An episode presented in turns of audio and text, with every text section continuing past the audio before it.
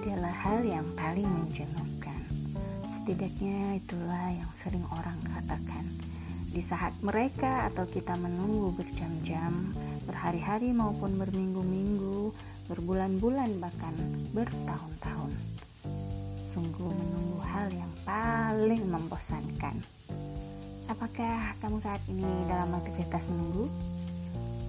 Saya sarankan untuk menghindari jenuh, isi waktu Sebaiknya terpukau pada sesuatu yang ditunggu. Baiklah mungkin ini saran dari saya dan thank you.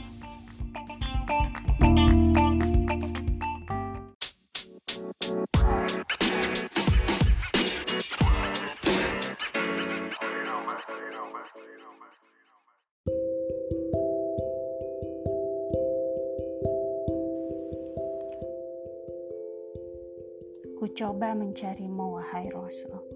Di panggilan-panggilan azan yang berkumandang sahut-sahutan di kotaku, agar namamu terkumandang, teralun sahut-sahutan di relung hatiku. Ku coba mencarimu, wahai Rasul, di ayat-ayat Al-Quran yang syarat muatan puji tentangmu, di lembaran-lembaran sejarah dan kitab-kitab sirahmu, di tiap tahiyat kala salam padamu ku ucap.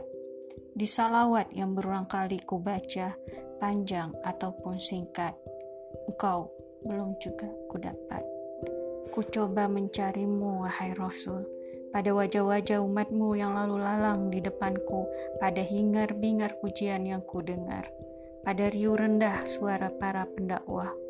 Namun engkau belum juga ku jumpa.